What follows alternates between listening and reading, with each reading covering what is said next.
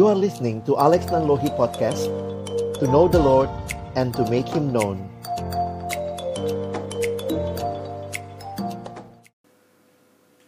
Shalom, selamat siang uh, Ko Andrian dan juga teman-teman sekalian. Saya panggil teman-teman aja ya Supaya nggak jadi tua banget gitu ya.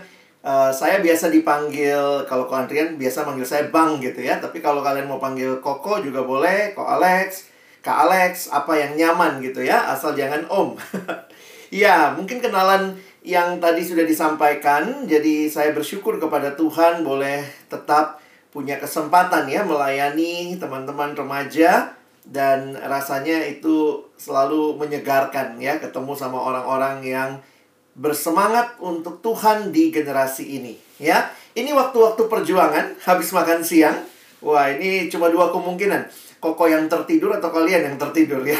Yuk kita jaga waktu sama-sama kalau memang bisa buka cam, nah itu juga salah satu cara jaga-jaga ya supaya nanti kita bisa ikut dengan baik. Baik, koko aja kita berdoa sebelum kita nanti membaca merenungkan firman Tuhan.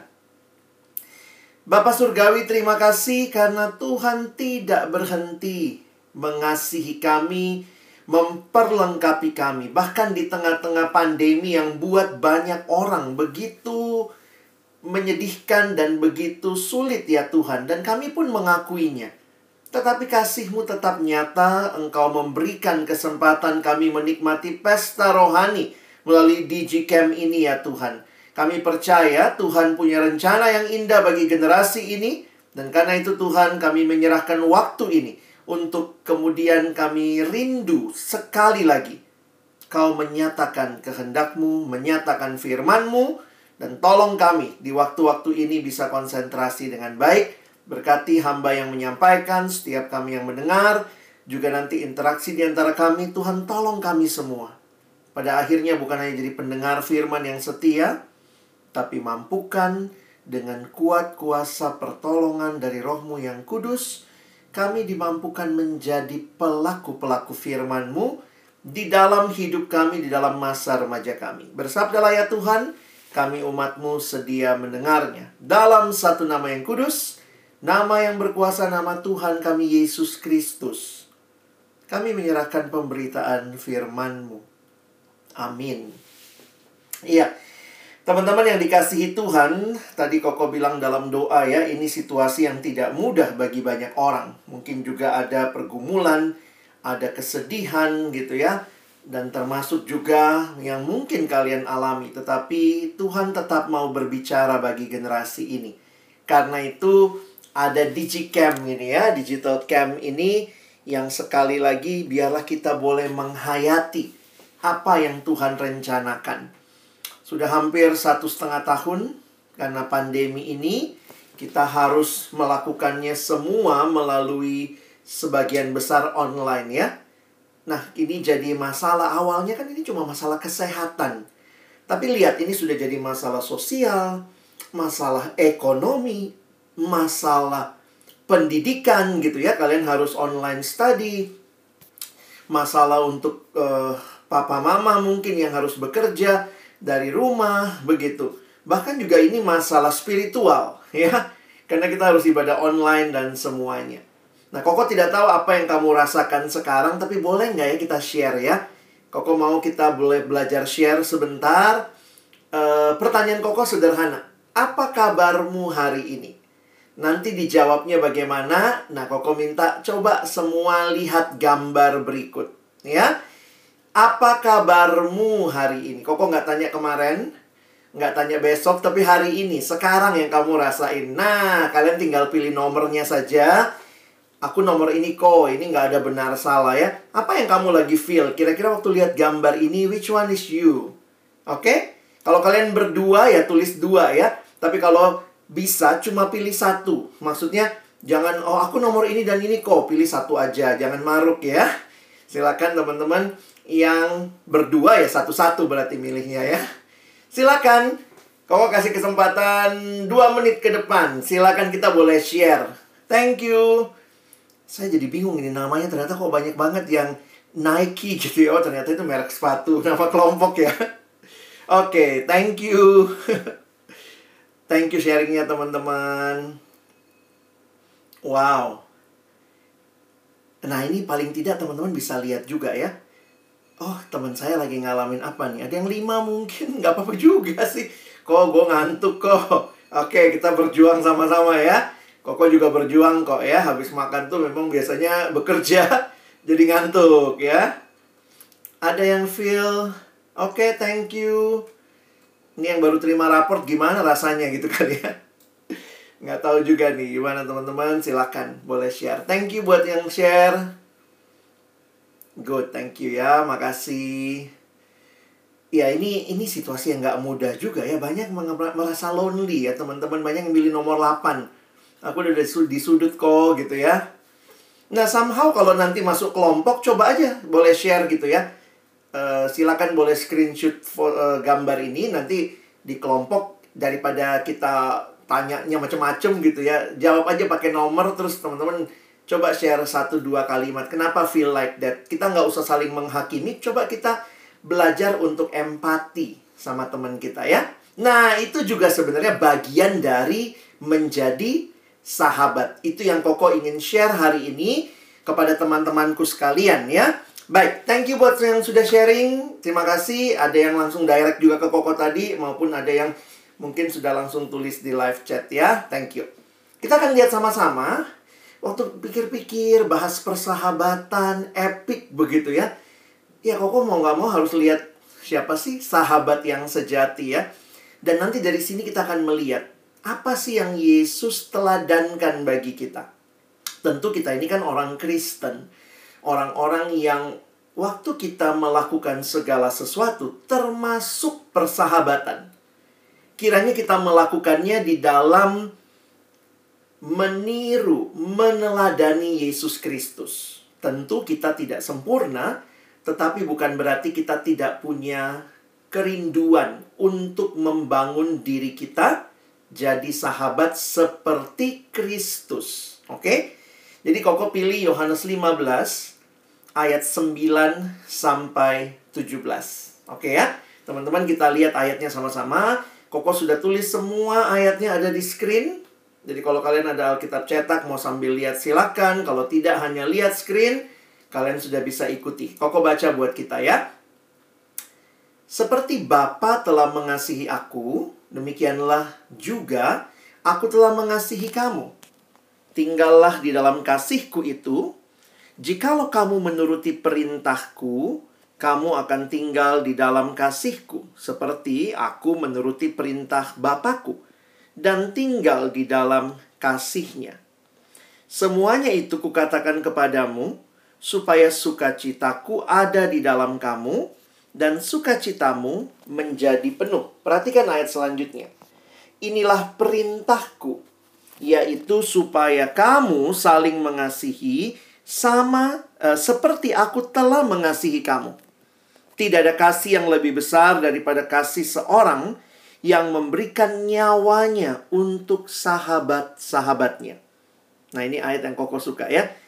Yesus berkata, "Kamu adalah sahabatku jikalau ka kamu berbuat apa yang kuperintahkan kepadamu." Aku tidak lagi tidak menyebut kamu lagi hamba sebab hamba tidak tahu apa yang diperbuat oleh tuannya, tetapi aku menyebut kamu sahabat karena aku telah memberitahukan kepadamu, kepada kamu segala sesuatu yang telah kudengar dari Bapakku. Bukan kamu yang memilih aku, tetapi akulah yang memilih kamu. Dan aku telah menetapkan kamu, supaya kamu pergi dan menghasilkan buah, dan buahmu itu tetap. Supaya apa yang kamu minta kepada Bapa dalam namaku, diberikannya kepadamu. Inilah perintahku, kepadamu, kasihilah seorang akan yang lain. Teman-teman lihat nggak? Koko ingin ajak kita perhatikan ya. Ini kalau baca Alkitab mesti teliti. Lihat ayat 17. Oke? Okay? Lihat nggak? Ini sebenarnya dibingkai kalau kalian perhatikan ayat 9-nya.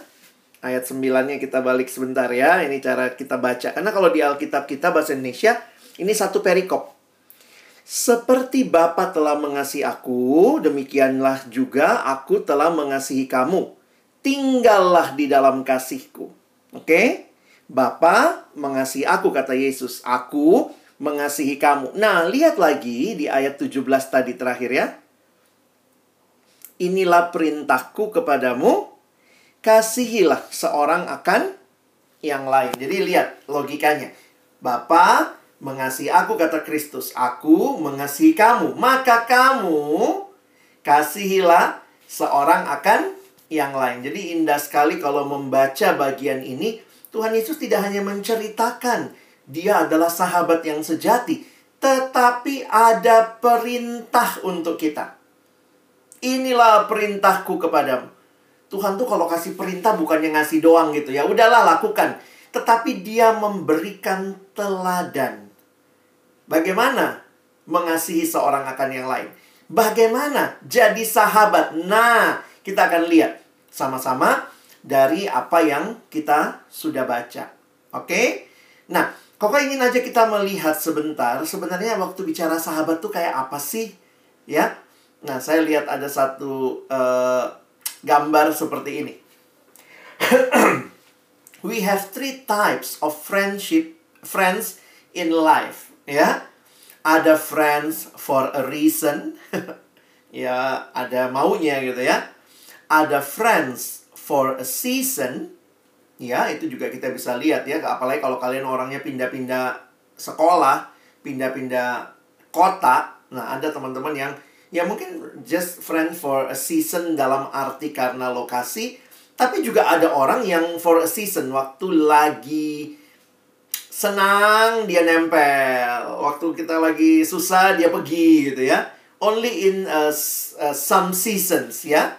Friends for a season atau friends for a lifetime.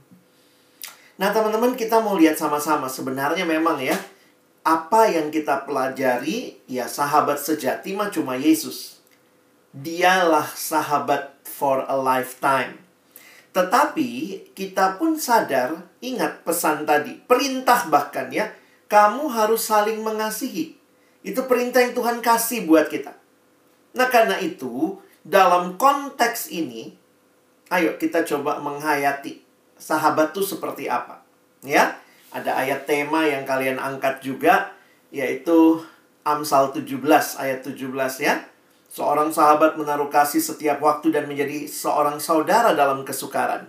Nah, ada satu kutipan tentang sahabat yang Koko tulis di depan. Sahabat itu adalah orang yang mengetahui hal yang paling buruk tentang dirimu, namun masih tetap mengasihi engkau sebagaimana adanya. Wah, nggak gampang ya. Seperti ini. Nah, tapi mari kita lihat dulu. Kita lihat sebentar ya. Itu yang tadi Koko bilang, yang diteladankan Tuhan Yesus. Perhatikan ayat 9 tadi. Seperti Bapa telah mengasihi aku, demikianlah aku juga telah mengasihi kamu, tinggallah di dalam kasihku itu. Nah, perhatikan penjelasan yang Koko tuliskan. Kasih Yesus dengan Bapa Allah Tritunggal, Bapa mengasihi anak, anak mengasihi Roh Kudus, Roh Kudus mengasihi Bapa sejak kekekalan dan sampai selama-lamanya. Nah, kasih Yesus ke dengan Bapa adalah kasih persahabatan yang setara. Yang tidak membuat anak menjadi hamba pada Bapa dan kasih yang tak memiliki rahasia di antaranya. Nah, kasih inilah yang kemudian ditawarkan oleh Yesus kepada murid-muridnya tawaran Yesus oh sorry William mau nulis definisi sahabat.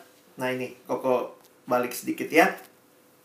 Sahabat adalah orang yang mengetahui hal yang paling buruk tentang dirimu namun masih tetap mengasihi engkau sebagaimana adanya.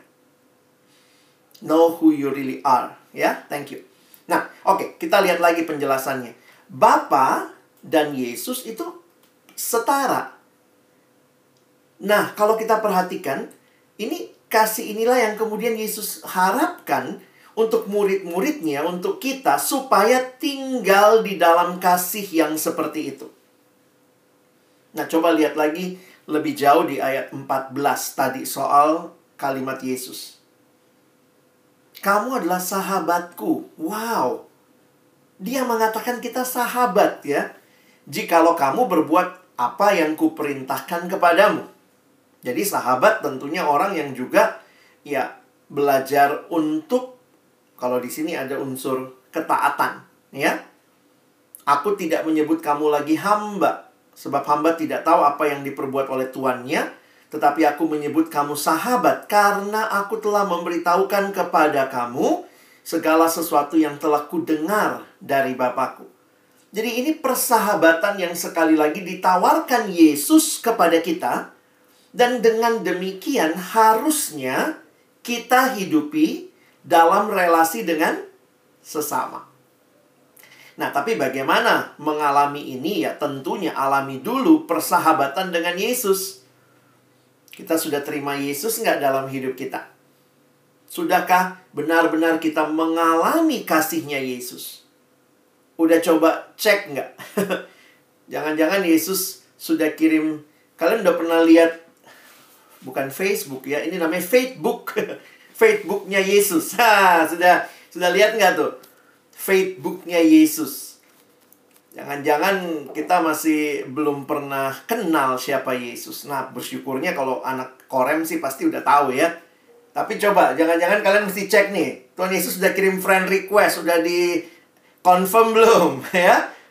Apakah dia jadi Tuhan dan Juru Selamat satu-satunya di dalam kehidupan kita? Kenapa ini jadi penting, teman-teman? Karena persahabatan dengan Kristus itulah yang dia rindukan menjadi persahabatan yang kita bangun juga dengan sesama kita. Tinggallah di dalam kasih itu.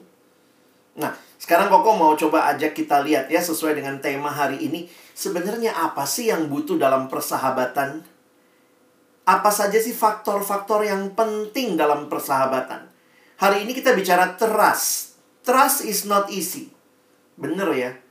percaya tuh nggak gampang apalagi kita percaya sama teman kita eh dianya ember gitu ya wah udah kasih tahu ke mana-mana begitu nah makanya kalau kita perhatikan tetapi unsur itu penting tapi bukan hanya trust ya nah ini koko mau coba ambil satu penjelasan yang koko baca dia mengatakan begini ya terdapat beberapa aspek tentang persahabatan dalam perkataan Yesus kepada murid-muridnya yang diucapkan pada saat akhir hidupnya itu tadi ya, Yohanes 15. Yaitu pengorbanan.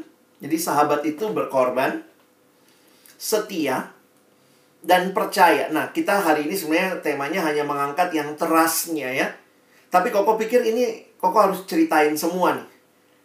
Nah, kepercayaan itu kan butuh build relationship, build trust itu ya kamu mesti belajar terbuka, kamu mesti belajar mendengar, kamu mesti melihat orang lain punya kebutuhan apa. Jadi, nah ini butuh waktu, butuh proses dan tiga-tiganya adalah hal yang Tuhan Yesus teladankan, teman-teman. Ya.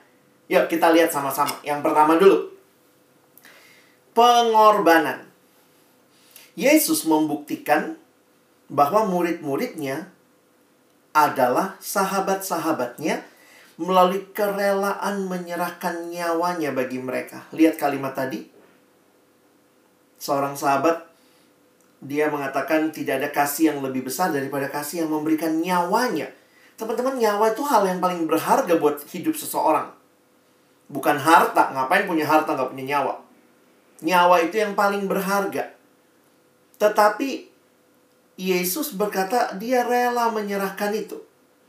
Kenapa? karena kita adalah sahabatnya.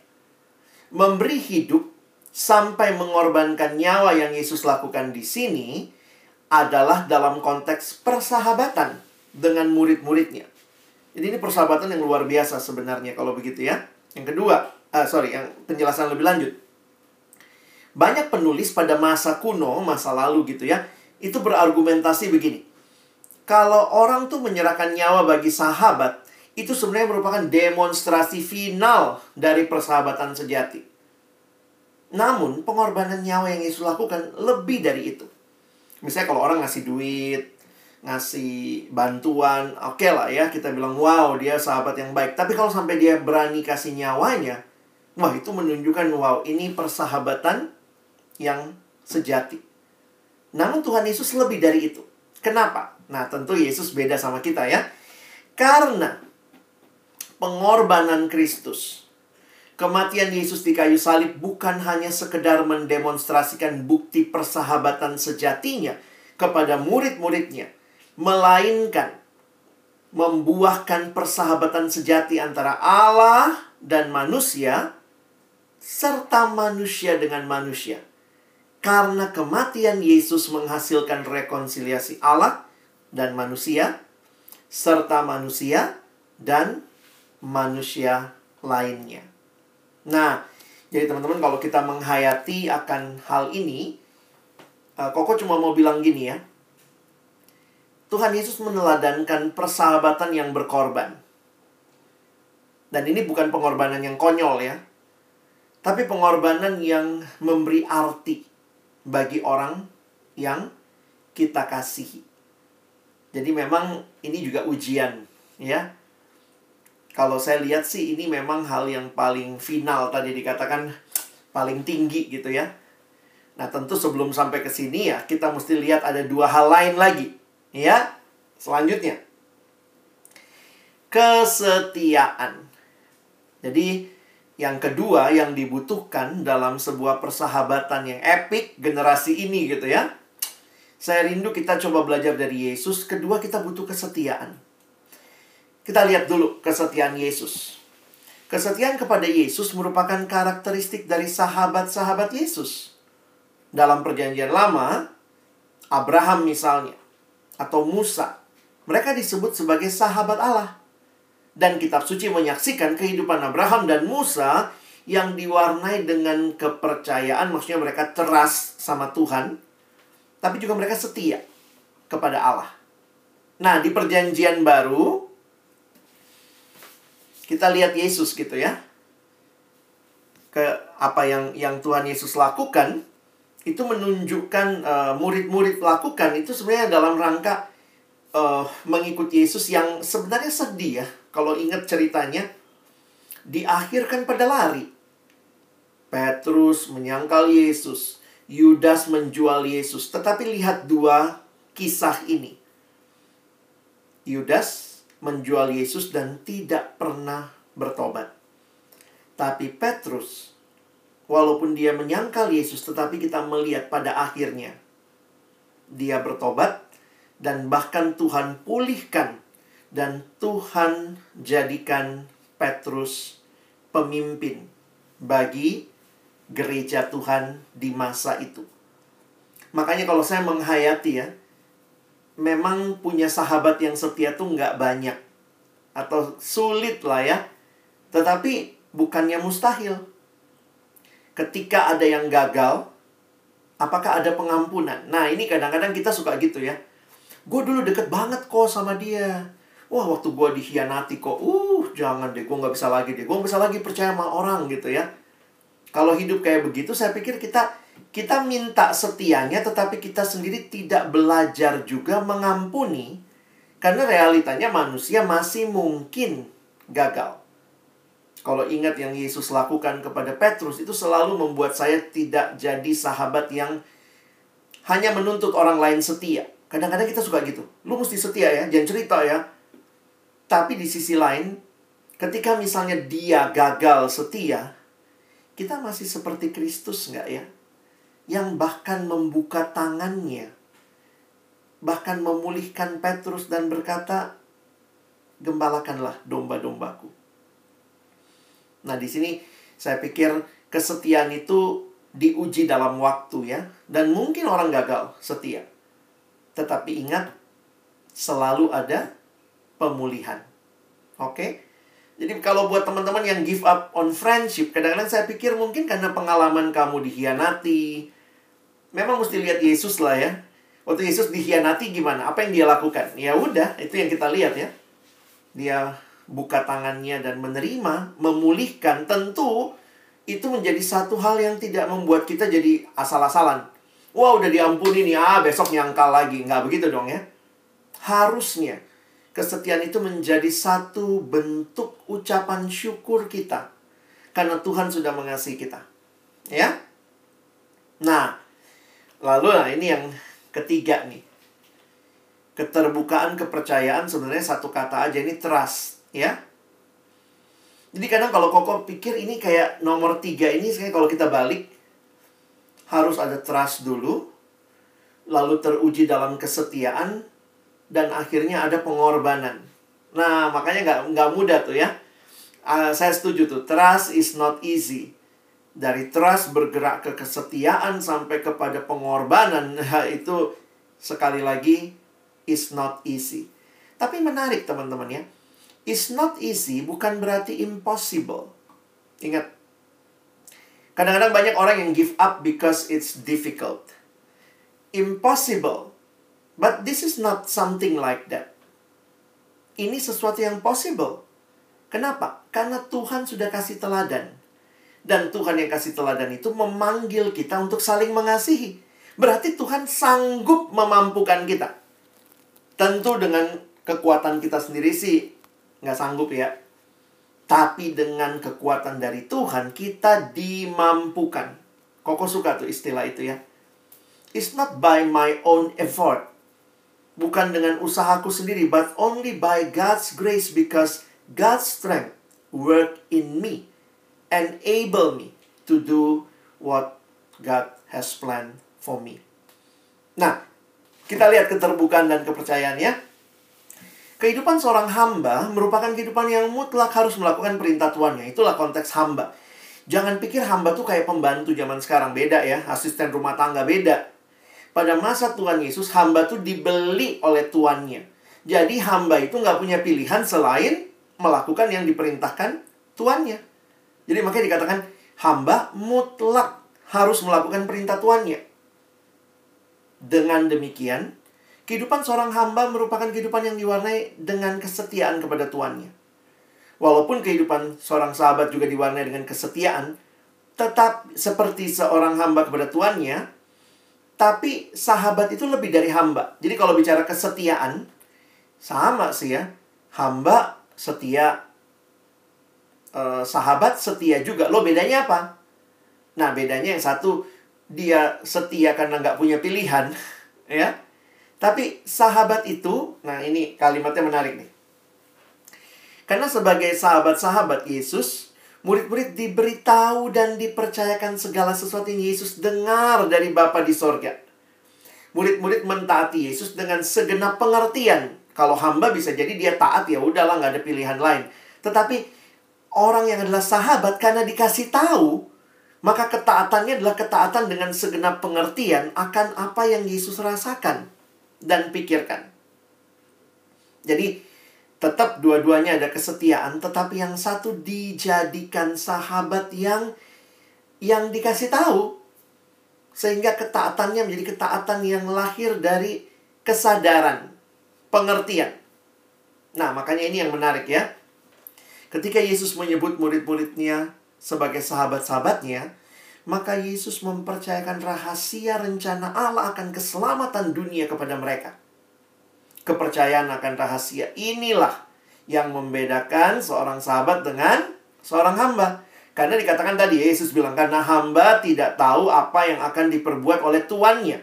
Sementara sahabat kepada sahabat diberitahukan. Jadi teman-teman waktu koko pikirin begini ya. Berarti sahabat itu apa ya?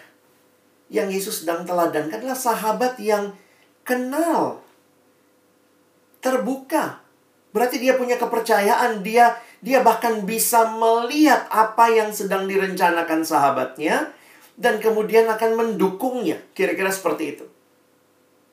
Dan itu yang Yesus perlakukan kepada murid-muridnya.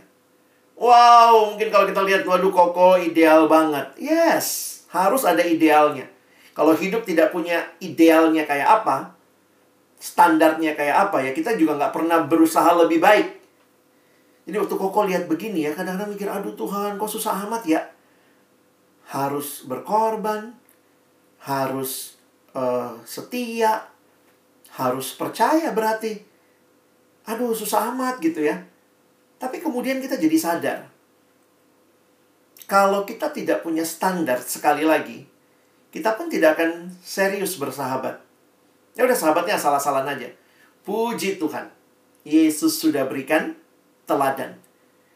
Dan kita yang percaya pada Yesus, yang mau bersahabat, orang Kristen dalam komisi remaja di dalam gereja, jangan sampai kita bicara persahabatan gaya dunia. Kalau Tuhan sudah kasih teladan bersahabat, ini epic banget loh. Will will we be an epic community? Kalau ada teladannya harusnya ada ada aplikasinya ya. Dan harusnya kita yang namanya Kristen, pengikut Kristus, ikut Yesus, ya mirip kayak Yesus. Nah, ini kesimpulannya.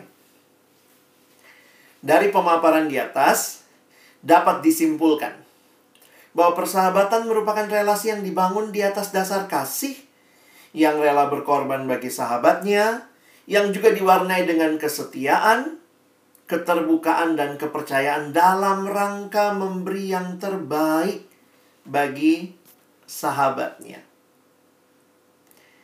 Teman-teman di tengah-tengah lagi masa-masa kayak gini, memang ya, relasi-relasi kita ini di challenge sama Tuhan.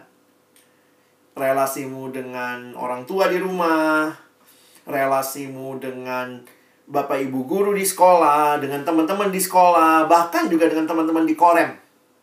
Kita di challenge. Dan harus online begini tambah susah lagi gitu ya. Ketemu aja belum tentu deket-deket amat apalagi online gitu ya. Kalau nggak diusahakan tidak disengajakan ya udah it will never grow.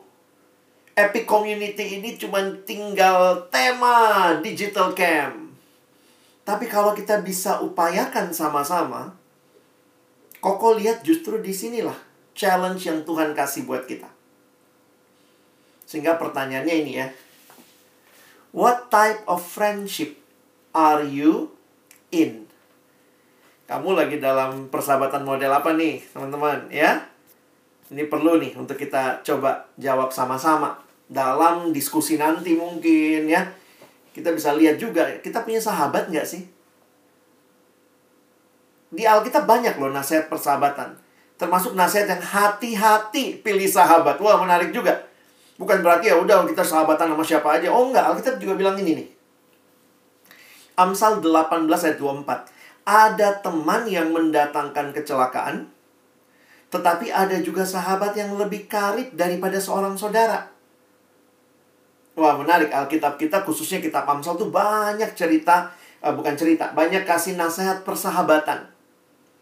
Ada teman yang mendatangkan kecelakaan. Jadi Alkitab juga nggak bilang gini, karena Tuhan Yesus bersahabat, kamu silakan bersahabat. Maksudnya, kita pun diberikan hikmat oleh Tuhan untuk pilih sahabat. Ya, ingat, ada kalimat begini. 1 Korintus 15 ayat 33. Paulus berkata, janganlah kamu sesat. Pergaulan yang buruk merusakkan kebiasaan yang baik. Nah, terjemahan bahasa Inggrisnya bilangnya apa? bad company. Pergaulan yang buruk itu dia sebut bad company. Berarti hati-hati pilih teman ya. Do not be misled dalam bahasa Inggris. Bad company corrupts good character. Pergaulan yang buruk merusakkan kebiasaan yang baik. Jadi teman-teman juga hati-hati bersahabat. Apa yang harus kita bangun? Ya kita bangun persahabatan yang di dalamnya kita juga dikasih hikmat sama Tuhan untuk belajar memilih sahabat yang baik. Nah, Koko akan tutup dengan sedikit perenungan gitu ya. Sebenarnya saya sempat mikir lama gitu ya. Kita kan selalu biasanya fokus gitu ya.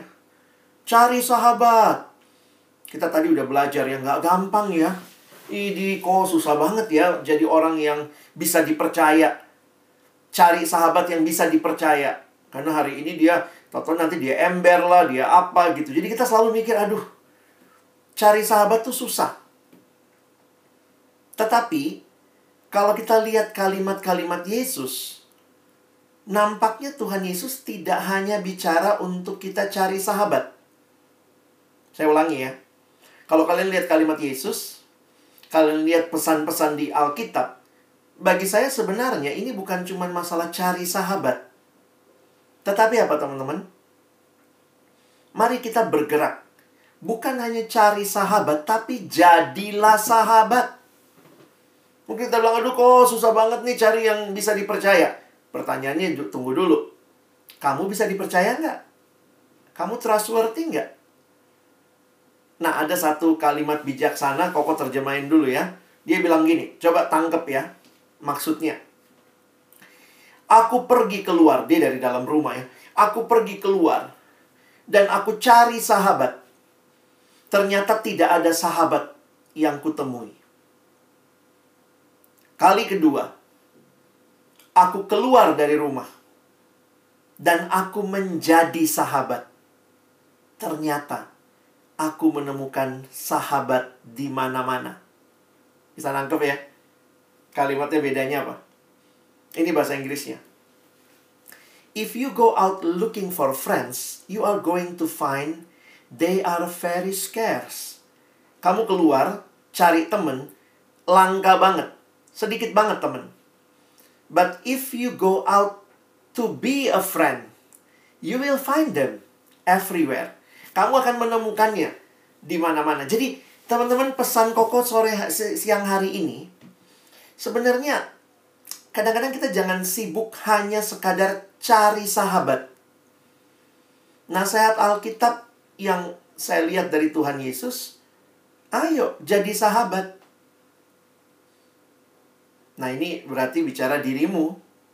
Before you're thinking or talking or seeking for other people, Think first for yourself. Act out as a friend to others. Bersahabatlah. Bukan memanfaatkan orang lain, tapi atas dasar kasih. Jadilah sahabat. Sahabat yang mengasihi, yang rela berkorban. Tadi kan kita udah lihat ya, Tuhan Yesus tuh standarnya berkorban, setia, terbuka, trust. Kadang-kadang kita cuma cari. Sekarang pertanyaannya, kamu sudah berusaha nggak jadi sahabat seperti itu? Dengan kamu menerik Kristus. Kita ada di Indonesia, banyak ragam suku. Uh, kalau bahasa sih nggak terlalu ya, jarang sih yang pakai bahasa daerah kalau di Jakarta ya. Tapi waktu kita lihat di sekolah aja tuh banyak orang beragam. Dan ini bukan hanya di sekolah, di gereja juga. Kalaupun mungkin sama-sama anak SMA gitu atau anak SMP sama-sama korem, tapi kita mungkin punya perbedaan cara pikir. Perbedaan kepribadian. Nah, nasihatnya apa? Dalam kehidupan saudara, jadilah sahabat. Tunjukkanlah kasih-kasih yang melayani, kasih yang nyata melalui perbuatan. Nah, sehingga mungkin refleksi kita di akhir sesi ini, sebelum nanti kita juga bisa tanya jawab, Koko ingatkan ya, mari kita belajar melihat pribadi-pribadi yang ada di dalam komunitas korem kita dulu deh. Kalau di sekolah mungkin kalian sudah punya uh, attachment yang khusus ya. Tapi coba pikir di korem kita ini. Bisa nggak kita mengasihi mereka dengan kasih Allah? Jadilah sahabat bagi sesama mulai dari korem kita.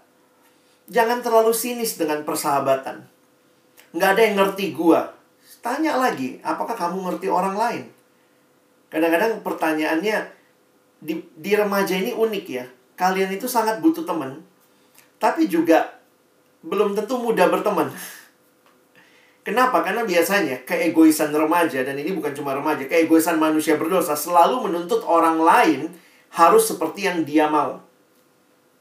Tapi sebenarnya di dalam Tuhan, modal utama kita, teladan Kristus, membuat kita boleh hadir dalam dunia. Belajar jadi sahabat. Dunia yang egois, dunia yang selfish, dunia yang sinis dengan persahabatan. Nah, Koko Rindu ya, ini kita bangun di Korem ya. Mari mulai coba perhatiin teman-teman kita. Coba jadi sahabat, jangan tunggu kamu dideketin ya. Tentulah ya, pasti ada pengurus mungkin deketin, tanya namamu sekolah kelas berapa, ada ko Andrian. Tapi mari belajar juga jadi sahabat. Kalian pernah nanya nggak ko Andrian mau didoain apa gitu ya? Pernah nanya nggak sama sama yang lain misalnya pengurus eh, eh minggu ini lagi sibuk apa gue doain dong misalnya gitu ya? Atau mungkin just say hi gitu ya? Itu hal-hal yang saya pikir harus kita coba bangun ya. Jadi Koko ingin titipkan hari ini mungkin tagline-nya gitu ya. Trust is not easy. Karena it's not easy, ketimbang kamu sibuk cari sahabat yang trustworthy, at the same time, build yourself as a trustworthy person so you can be a friend for others. Oke, itu dari Koko ya. Kiranya boleh menolong teman-teman untuk juga build epic community yang jadi tema kita. Amin. Thank you buat Bang Alex buat uh, materinya yang sangat menggugah. Teman-teman, poin penting yang sebenarnya ditekankan adalah kita boleh menjadi sahabat ya. Boleh menjadi rekan dimulai dari teman-teman di Korem. Kita mau dimulai juga dari teman-teman di dalam kelompok, grup diskusi, kita mulai mendoakan, mulai saling mengisi satu sama yang lainnya, boleh saling mengasihi. Dan teman-teman harus ingat bahwa setiap kita nggak sempurna, dan itu poin sebenarnya di mana kita boleh ada kasih untuk menutupi segala sesuatu ya, karena kasih menutupi segala hal. Nah, ada satu pertanyaan yang sudah masuk. Iya. Uh,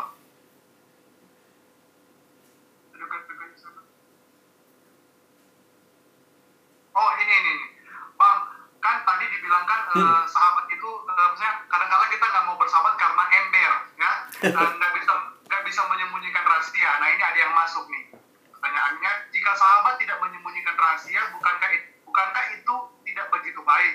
Sedekat-dekatnya sahabat, setidaknya tetap ada yang disembunyikan kan? Iya. Jika demikian, apakah tetap termasuk sahabat? Nah, ya. Iya, thank you ya.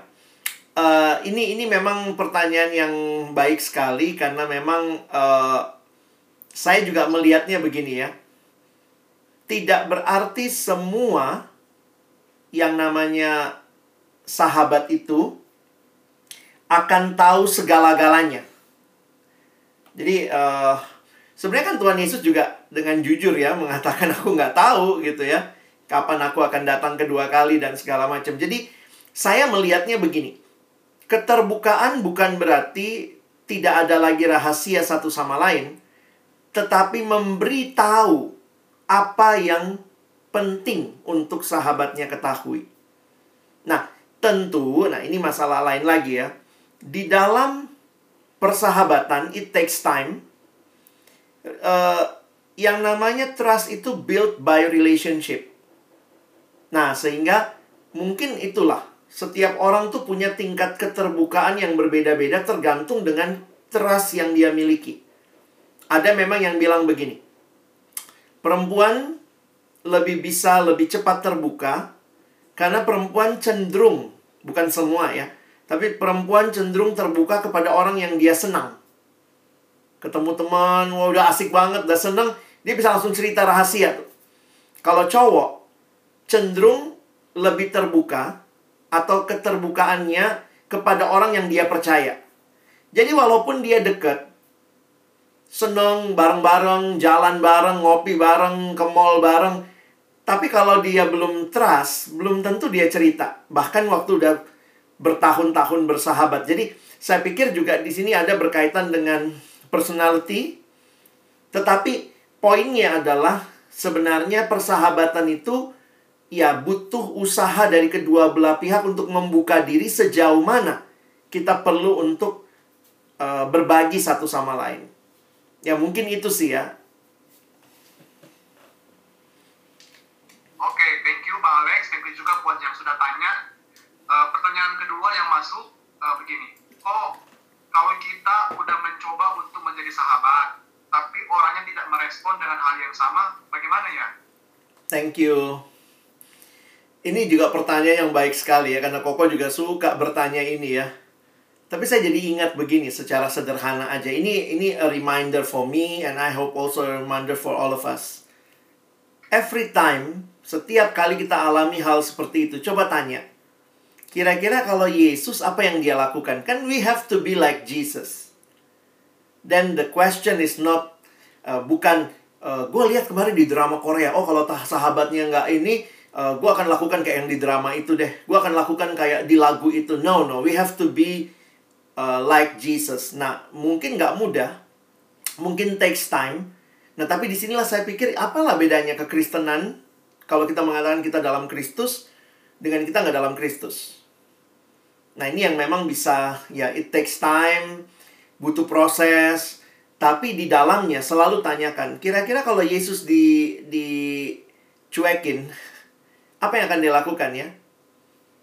Nah, mungkin dia tetap bisa bersahabat dengan mendoakan, dia tetap bisa kadang-kadang kita juga mesti tahu ya, Tuhan kasih hikmat sama kita. Ada orang yang mungkin lagi marah sama kita, kesel sama kita ya, jangan kita tempel terus, ayo dong maafin gue deh. Itu bisa bisa jadi bumerang buat kita. Tapi mungkin dia butuh waktu untuk jaga jarak sama kita sebentar.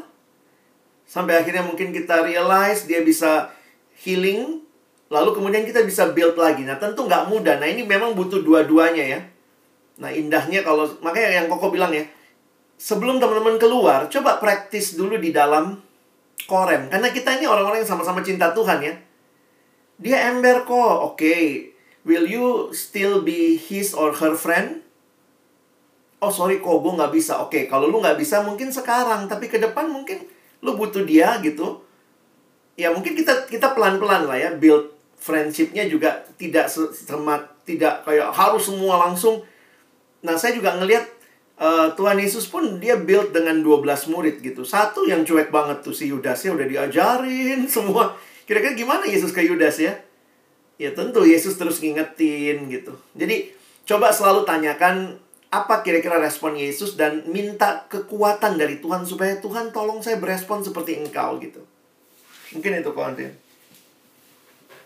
okay. thank you Bang, thank you juga buat yang sudah tanya. Ada satu pertanyaan terakhir yang masuk. Hmm. Uh, oh, bagaimana caranya meyakinkan orang lain ataupun sahabat kalian hmm. atau orang lain kalau kita itu bisa dipercaya? Hmm. Alkitab sebenarnya kasih prinsip yang menarik ya kok. Uh, setia dalam perkara kecil ya akan jadi perkara lebih besar juga yang dipercayakan. Jadi saya melihat memang relationship trust itu butuh keterbukaan, butuh waktu. Jadi kita nggak bisa maksa sih orang terbuka sama kita dan juga gini ya apa uh, saya melihat ada satu hal yang menarik di Alkitab, persahabatannya Daud sama Yonatan. Nanti kapan-kapan kita bahas itu ya. Tapi yang Koko lihat begini, kenapa Paul, uh, Daud sama Yonatan bisa klik ya? Nah, ada satu bagian di dalam kitab 1 Samuel itu yang kira-kira bunyinya begini. Karena ada Tuhan di tengah-tengah kita. Jadi, sebenarnya persahabatan itu uh, kalau kita lihat itu yang uh, faktor utamanya yang bagi saya menarik adalah kalau ada Tuhan di dalamnya. Karena gini, dunia itu bisa kasih kita banyak definisi persahabatan dan kadang-kadang bisa gini ya. Nah, kalian mungkin ketemu. Uh, Wah, gue gak cocok sama lu ya. Kita ciong ya. Iya, lu sionya ini, gue sionya ini. Lu zodiaknya ini, gue zodiaknya ini. Kadang-kadang saya juga sedih juga loh. Ya ampun, orang Kristen kok percayanya begitu ya. Pernah nggak? Iya, ya, ya kadang-kadang sorry ya, mungkin juga orang tua kita, kita dalam mungkin Chinese culture gitu ya, kita kayak gitu, ya gue nggak bisa tuh. Dia dia air, gue api, nggak bisa, kita ciong gitu. Jadi kayaknya kita bawa itu. Nah, lalu kemudian bersahabatan, umur misalnya. Umur juga kayak membuat orang, ah nggak mungkin bersahabat ya. Mungkin, aduh, kok Andrian tua banget. Aduh, gue bisa, nggak bisa dia cerita sama kok Andrian. Tua dia. Apalagi kok Alex gitu ya, udah tua banget gitu ya tapi bagi saya akhirnya waktu saya lihat di Alkitab ke ke apa persahabatan itu terjalin karena ada Tuhan di antaranya. Sehingga walaupun itu butuh proses tetapi bisa jadi memang Tuhan hadirkan beberapa sahabat di dalam hidup kita, di dalam berbagai tahap hidup kita. Dan kalau kita sama-sama percaya Tuhan, bagi saya itu kekuatan ketimbang hanya sekadar gue gue sama nih hobinya nih gue sama nih uh, apa sionya nih. Gue sama nih uh, zodiaknya. Bukan itu. Bagi saya bukan itu. Yang utama dan terutama karena ada Tuhan. Nah coba lihat ya koko kasih ilustrasi gini. Kalau ini Tuhan lihat tangan saya kalau ini Tuhan ini kamu ini teman kamu. Sebenarnya waktu kita kita dua-duanya makin cinta Tuhan makin cinta Tuhan makin cinta Tuhan kita bukan hanya makin dekat sama Tuhan tapi kita makin dekat satu sama lain Nah, jadi kalau balik lagi pertanyaan kan sebenarnya sederhana. Gimana kok membangun trust itu selalu butuh waktu dan sebenarnya yang paling penting adalah kehadiran Tuhan yang menolong kamu untuk pelan-pelan nanti orang itu yang akan lihat. Udah waktunya nggak dia cerita. Udah menurut dia kamu udah layak dipercaya atau tidak. Nah, tapi uh, be ready ya, kita prepare ourselves juga. Jangan jadi ember gitu ya. Tahu apa yang mesti disampaikan, apa yang tidak dan saya pikir itu juga berhubungan dengan kedewasaan kita. Ada ada orang-orang mungkin yang tipe kayak saya, modelnya gini, kayak pengen ngasih tahu dari dia gitu. Oh, mesti mesti mesti gue yang ngasih tahu gitu ya. Jadi kalau kayak di grup mungkin dia pengen ngasih tahu duluan gitu. Tapi kadang-kadang dia nggak ngecek. Nah, itu kan jadi uh, kebiasaan-kebiasaan seperti itu kalian mesti cross check. Sehingga orang bisa lihat. Sebenarnya bagi saya di generasi ini Beberapa orang saya lihat bisa dipercaya atau tidak dari postingannya. Ini orang waktu dia diterima sesuatu dia cek dulu nggak? Jangan-jangan dia langsung forward, langsung bagiin. Nah, kalau hanya seperti itu, itu juga sebenarnya bisa tanda-tanda orang akan melihat, wah kayaknya gue belum bisa percaya sama dia deh. Begitu. Nah, tapi kenapa kok cerita tadi persahabatan Daud sama Yonatan? Kalau kalian lihat, Daud sama Yonatan tuh jauh beda loh umurnya. Jadi kalau kalian PA-in Daud dan Yonatan itu, itu pasti bedanya di atas 10 tahun. Kok bisa deket? Nah, bukan masalah umur. Jadi, keterbukaan itu bukan masalah umur, bukan masalah satu bintang, satu sio, tetapi lebih kepada karena setiap orang hidup dalam Tuhan dan lama-lama waktu sama-sama cinta Tuhan, Tuhan juga kasih keterbukaan satu sama lain. Jadi ada yang mungkin deket sama Ko Andrian bisa cerita rahasianya sama Ko Andrian malah. Ke temennya di kelompok belum tentu ya nggak apa-apa juga. Ya Tuhan kasih kita orang-orang yang kita bisa percaya di sepanjang hidup kita. Mungkin dulu sama Cimaria wah gue deket banget sama Cimaria ya udah itu mungkin dengan Cimaria gitu. Sekarang dengan Ko Andrian mungkin ada yang deket sama Papa. Gue bisa cerita apa aja kalau ke bokap gue kalau ke nyokap agak susah. Nah itu semua sebenarnya ada prosesnya ya. Jadi jangan berharap kamu bisa terbuka jadi bisa dipercaya oleh semua orang. Saya pikir nggak begitu juga hidup. Ya? Thank you